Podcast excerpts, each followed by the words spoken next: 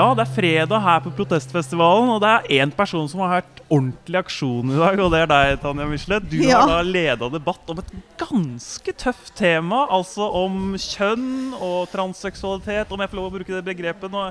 Men uh, Jeg tror Mikael ga, ga oss ganske Og de Ga oss andre ga, de ga oss eh, De ga oss, de, de, selvfølgelig ga oss litt rom. De ga oss litt rom ja, Ja, ja. til å på, både treffe og bomme litt på sånne begreper, med god mening, i hvert fall med et godt ønske om å treffe. Men, men du har da leda denne debatten, som i utgangspunktet er et ganske tøft og vanskelig tema. Ja, det er det. Og jeg hadde en veldig klar idé om at jeg ville at det skulle være litt peace and love. eh, at det skulle få det inn på det sporet. Og det er et ikke tøft tema som du ønska å mykne opp litt. Ja, jeg ønska at den myket opp, ja. Ja. Eh, Det var jo i utgangspunktet så skulle det hete duell. Mm. Men jeg, jeg, jeg hadde lyst til å ta, ta det ned en Ja, liten notch. hørtes ganske fornuftig ut. Kan ikke du si helt konkret hva slags eh, problemstilling dere drøfta? Og det var mange. Og vi Mm. kom oss ikke halvparten gjennom spørsmålsarket mitt. Eh, det var et voldsomt engasjement. Uh, og um, vi tok opp LHBTIQ-lista, blant annet. Eh, det er jo bare betegnelsen på lista. Lesbisk, homofil, bifil, tra, trans, interkjønn og queer. Mm, mm. Eh, og, og, at, eh, og vi brukte mye tid på dette med begreper, og hvor, eh, hvor, hvor mye kan det forlanges av oss at vi skal sette oss inn i disse begrepene? Vi, er vi nødt til å kalle oss selv noe av dette? Ja. Cis-person eller ally, altså du er en ally til, de, til LHBT-community. Altså, det er en, lista er lang. Mm. Så snakket vi om uh, trans uh, og andre folk sine, sine, sine problemer i det norske samfunnet, og hva de har møtt på av utfordringer. Mm. Og alle debattantene hadde interessant informasjon å komme med, men jeg må si at uh, Mikael var vel kanskje en av de som var mest Som virkelig opplyste folk i dag, altså. Ja, altså Utrolig fascinerende person. Han skal vi snart snakke med. Uh, han har vi fått uh, litt tid med etterpå. For det, det han har å by på En utypisk eh, person som da har skiftet kjønn fra kvinne til mann, Ja. men har uh, helt utypiske meninger, kanskje. Eller i hvert fall Ja. ting som forbindes med en person som har som har skiftet kjønn. Han vil ikke kalles trans. Han har litt sånn mer sånn eh, ambivalent forhold til pridebevegelsen. ja, han vil ikke gå i pridetog. Nei, ikke sant? Så, så, Ja. så, og det, bare, bare det gir noen nye, et tilskudd til debatten, da, som jeg syns Protestfestivalen er veldig flinke til. Finne sånne stemmer. Ja. Og um, ja, og, og jeg synes jo bare at dere går jo rett inn i det, eller En ting som du kanskje ikke nevnte, som jeg synes var veldig spennende, som dere var inne på, var jo dette Ja. med hvor mange kjønn, ikke sant? Og, ja at, at, og dette spørsmålet om man skal øh, få inn et tredje juridisk kjønn og sånn. Det, det, En- det er et er vanskelig debatt. ja, og der er det er sånn midt i kjernen av det. Mm. Uh, av det hele. Alle tre tvilte, altså de du s- leda panelet for, selv om de Ja, står de- på ulike punkt Ja, i denne og det debatten viste seg at det tvilte de på. Det overrasket meg òg, at alle tre tvilte på akkurat det. Ja. For det er jo en realpolitisk endring, ikke sant? Altså en lovendring da, i det norske samfunnet som, som da muligens er på trappene. Michael Mikael Scott Bjerkeli, du har vært med i en eh, debatt akkurat nå om kjønn. Om, om Det er jo en debatt som er ordentlig inne i tiden. Eh, kan ikke du fortelle litt om debatten i dag, og hva, hva er viktig der? Jeg syns egentlig debatten i dag ble en veldig fin debatt. Eh, vi klarte å møtes eh, på stedet som mennesker. Eh, mennesker med forskjellige meninger.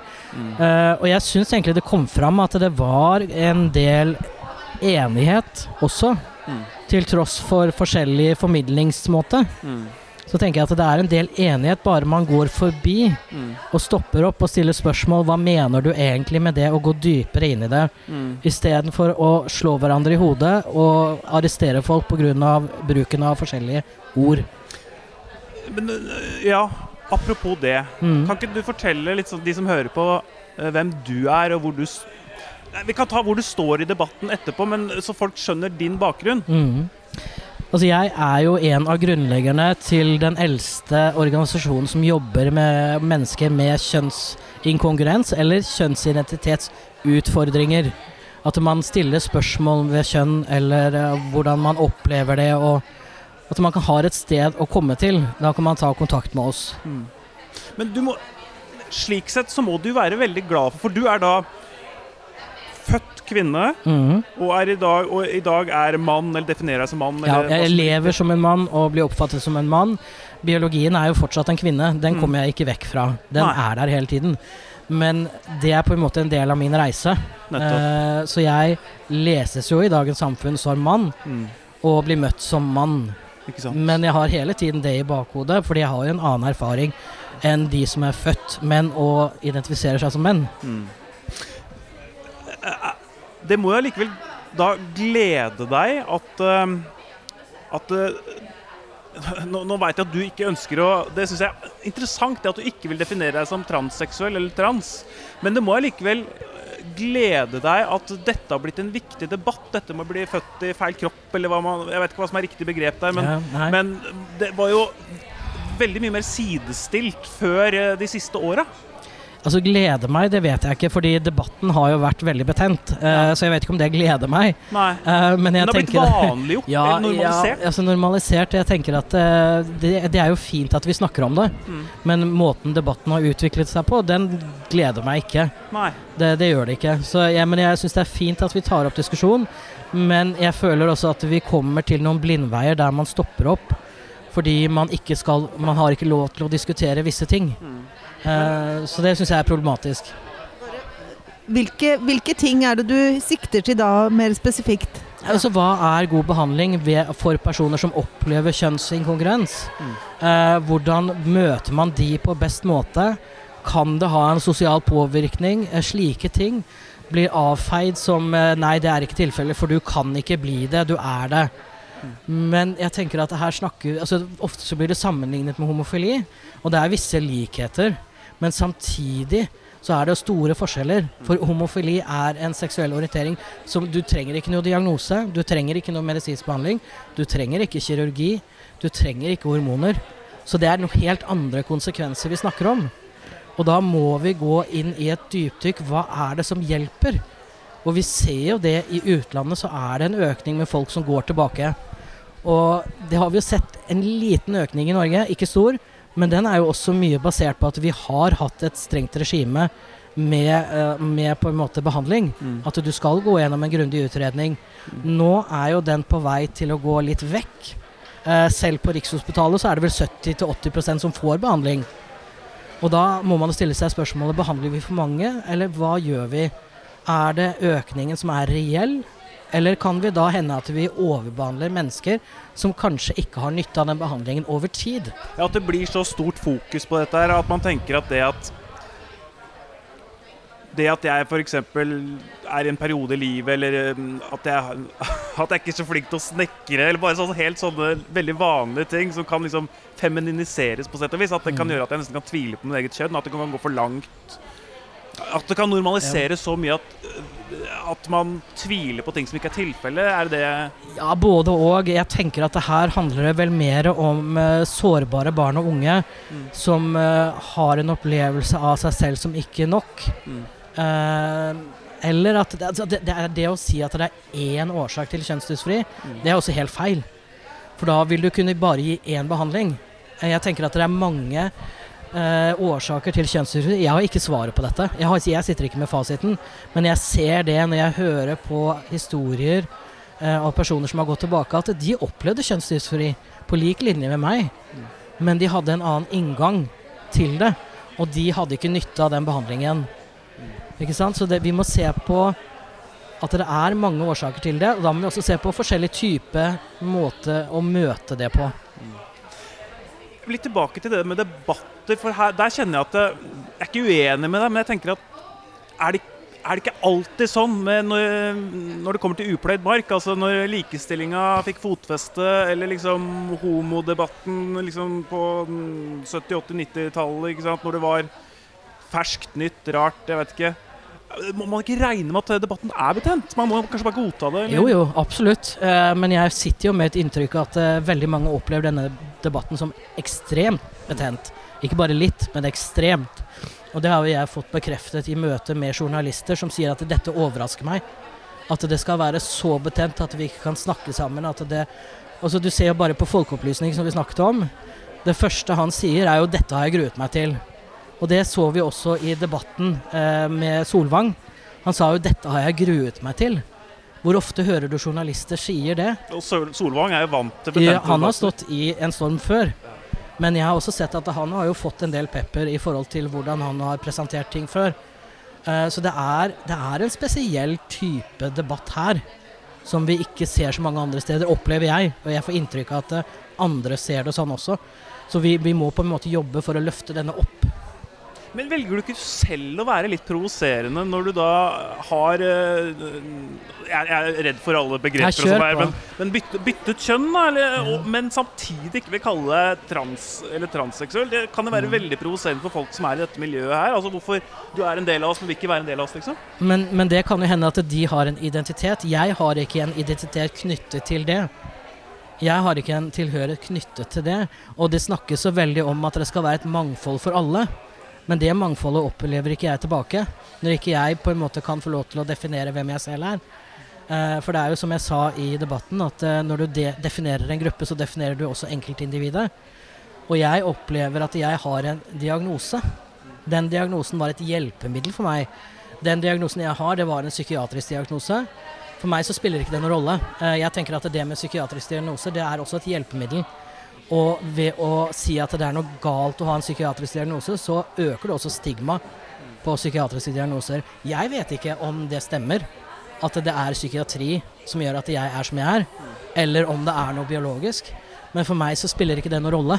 Det er veldig spennende det du sier der Ja. nå. At det er, dette er glidende overganger. ikke sant? At han vet ikke om det stemmer. Og det, det er vel kanskje det som er virkeligheten, da. At vi, vi har ikke så veldig klare Det er ikke så lett å lage grenseoppganger, egentlig, for hva som er hva. Psykiatri eller Ja. Og, og det er like viktig at stigma rundt psykiatri eh, forsvinner, tenker jeg. For der, der er det også stigma de luxe, altså. Ja. Mm. Men, men, men, men hvis jeg skal problematisere det her litt, da, med å, med å si at er det ikke viktig at vi definerer ting i grupper, særlig når vi skal snakke om ting Snakke om eh, grupperinger i samfunnet som kanskje behandles dårlig, eller liksom Mm. Det er så vanskelig å snakke om folk på et individuelt plan når det er snakk om forskninger. Mm. Hvis, du for eksempel, hvis du skal snakke om folk som da har blitt født i feil kropp, da, så, så trenger man kanskje et felles begrep som favner bredt, Ja. og så kan man snakke om de på en felles nivå. Altså, er, er ikke, må man ikke defineres litt i grupper? Jo, jeg tenker at eh, man kan jo defineres eh, som en person som opplever kjønnsinkongruens. Det er en diagnose. Eh, det er flere som tilhører den gruppa som opplever kjønnsinkongruens. Men ved å si at du har en diagnose, så setter du ikke en identitet på folk. Hvis du sier trans, så setter du en identitet på folk, eller det oppleves som identitetsskapende. For du blir noe. Men jeg blir ikke noe. Jeg har en opplevelse. Jeg har en diagnose. Eh, kjønnsdysfori er på en måte et resultat. Ikke sant? Så det er ikke meg. Selv om det former meg, så er ikke det som er meg. Jeg skapes. Jeg er så mye mer enn det. Trans, da er du i en bås som er veldig trang, som kan romme mye. For at det er litt politisk også, på sett og vis. Og Det er jo en politisk kamp, og jeg tenker at uh, en eh, aktør i transaktivistmiljøet sa jo det for mange år siden, når det var på vei til å endre fra transseksualisme, som det het før, til kjønnsinkongruens. Ja, da forsvinner begrepet trans, sa han. Det har de jo ikke gjort. De har holdt på det. Selv om trans var grunnet i at det het transseksualisme før. Men nå er jo den forbindelsen borte. Nå er det kjønnsinkongruens. Hvorfor kan vi ikke forholde oss til det medisinske språket når det kommer til medisinsk behandling? Ja. Ja. Det er kjønnsinkongruens som er diagnosen.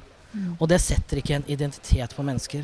Bare to spørsmål. Kjønnsdysfori og kjønnsinkongruens. Eh, kan du bare klare opp eh, for meg igjen?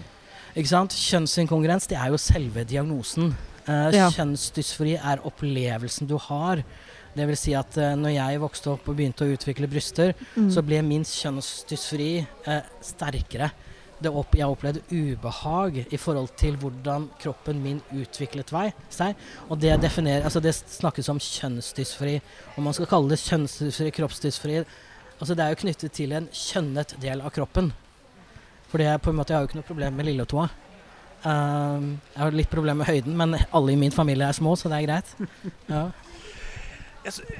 Én ting er det med, det med transseksualitet, men du er også litt Jeg tror du brukte ordet ambivalent uh, til, til, til pride-bevegelsen. og sånne ting. Det også for meg er litt rart. Burde ikke du stå ved de? Ikke sant? For nå putter du meg automatisk i den båsen. Ja, Litt bevisst for å provosere. Ja, ja, ja, ikke sant? Aut men det, det, er det folk gjør. Ja. Ikke sant? Og, og, det oppleves jo ikke riktig for meg. Selv om jeg kan uh, stå bak uh, hovedideen bak pride. At du skal få lov til å elske den du vil og du skal få lov til å være den du vil. Men hvis man går ned og være den du vil, hvis vi da snakker om medisinske diagnoser, så er det litt mer man må snakke om enn bare å være den du vil. For da handler det om konsekvenser som kan på en måte slå igjennom i, etter mange år. Mm. Ikke sant? Så vi må ta en diskusjon. Du kan få lov til å elske hvem du vil, du kan være hvem du vil, men når vi skal gjøre noe som har irreversibel effekt, så må vi ta diskusjon. Og jeg tenker pride, skeive miljøet Jeg har litt ambivalent forhold til det. Fordi når vi startet foreningen, så var det et kjempegodt forhold. Vi hadde jo røykerommet til gamle LLH, som nå er fri, på Tektopa. Så vi satt der. Og det var en god kommunikasjon. Og så er det noe som skjer. Vi mister den eh, fordi vi på en måte vil eie vår egen historie. Uh, og da mister vi den forbindelsen. Ikke det at det var en naturlig forbindelse, men det handler om å være medmenneskelig. Uavhengig om man kjenner seg igjen i noe eller ikke. Og det følte jeg vi hadde det i begynnelsen, uh, men det forsvant. Så jeg, jeg, klarer ikke å delta på pride fordi jeg opplever at pride setter meg i en bås. Det setter meg i et sted som jeg ikke opplever er riktig for meg. Det betyr ikke at jeg mener at pride skal legges ned, men det betyr at vi må ta en diskusjon om er du imot pride, så er du et dårlig menneske, eller er du for, så er du et godt menneske. Så enkelt er det ikke. Og du har jo noen sånn konkrete meninger som kanskje skiller seg fra pride-merket. Bl.a. dette med at du er, du er, ikke avvisende til at det kan være til det biologiske og til to kjønn f.eks. Så det er jo det er kanskje litt utypisk som ikke passer helt inn med pride-bevegelsen. Mm. Og Det som jeg opplever litt, er at det, du er velkommen så lenge du har de meninger som stemmer overens. Mm. Men hvis man utfordrer det, så, så opplever Vi har opplevd litt ikke så hyggelige ting. Mm. Men eh, det er jo uenighet, det òg, så det må man på en måte tåle litt. Mikael Scott Bjerkeli. Jeg traff nå. Ja, ja, ja. ja, Du, takk skal du ha for at du tok deg tid til oss selv etter en lang debatt. Ja, takk selv. Vi har lært så mye, og jeg syns det var en utrolig fin debatt. Og jeg syns det var så godt at vi kunne ja, ta det litt rolig, og ikke gå sånn fullstendig tottene på hverandre. Ja, det var helt bevisst fra min side, altså. Mm. Ja.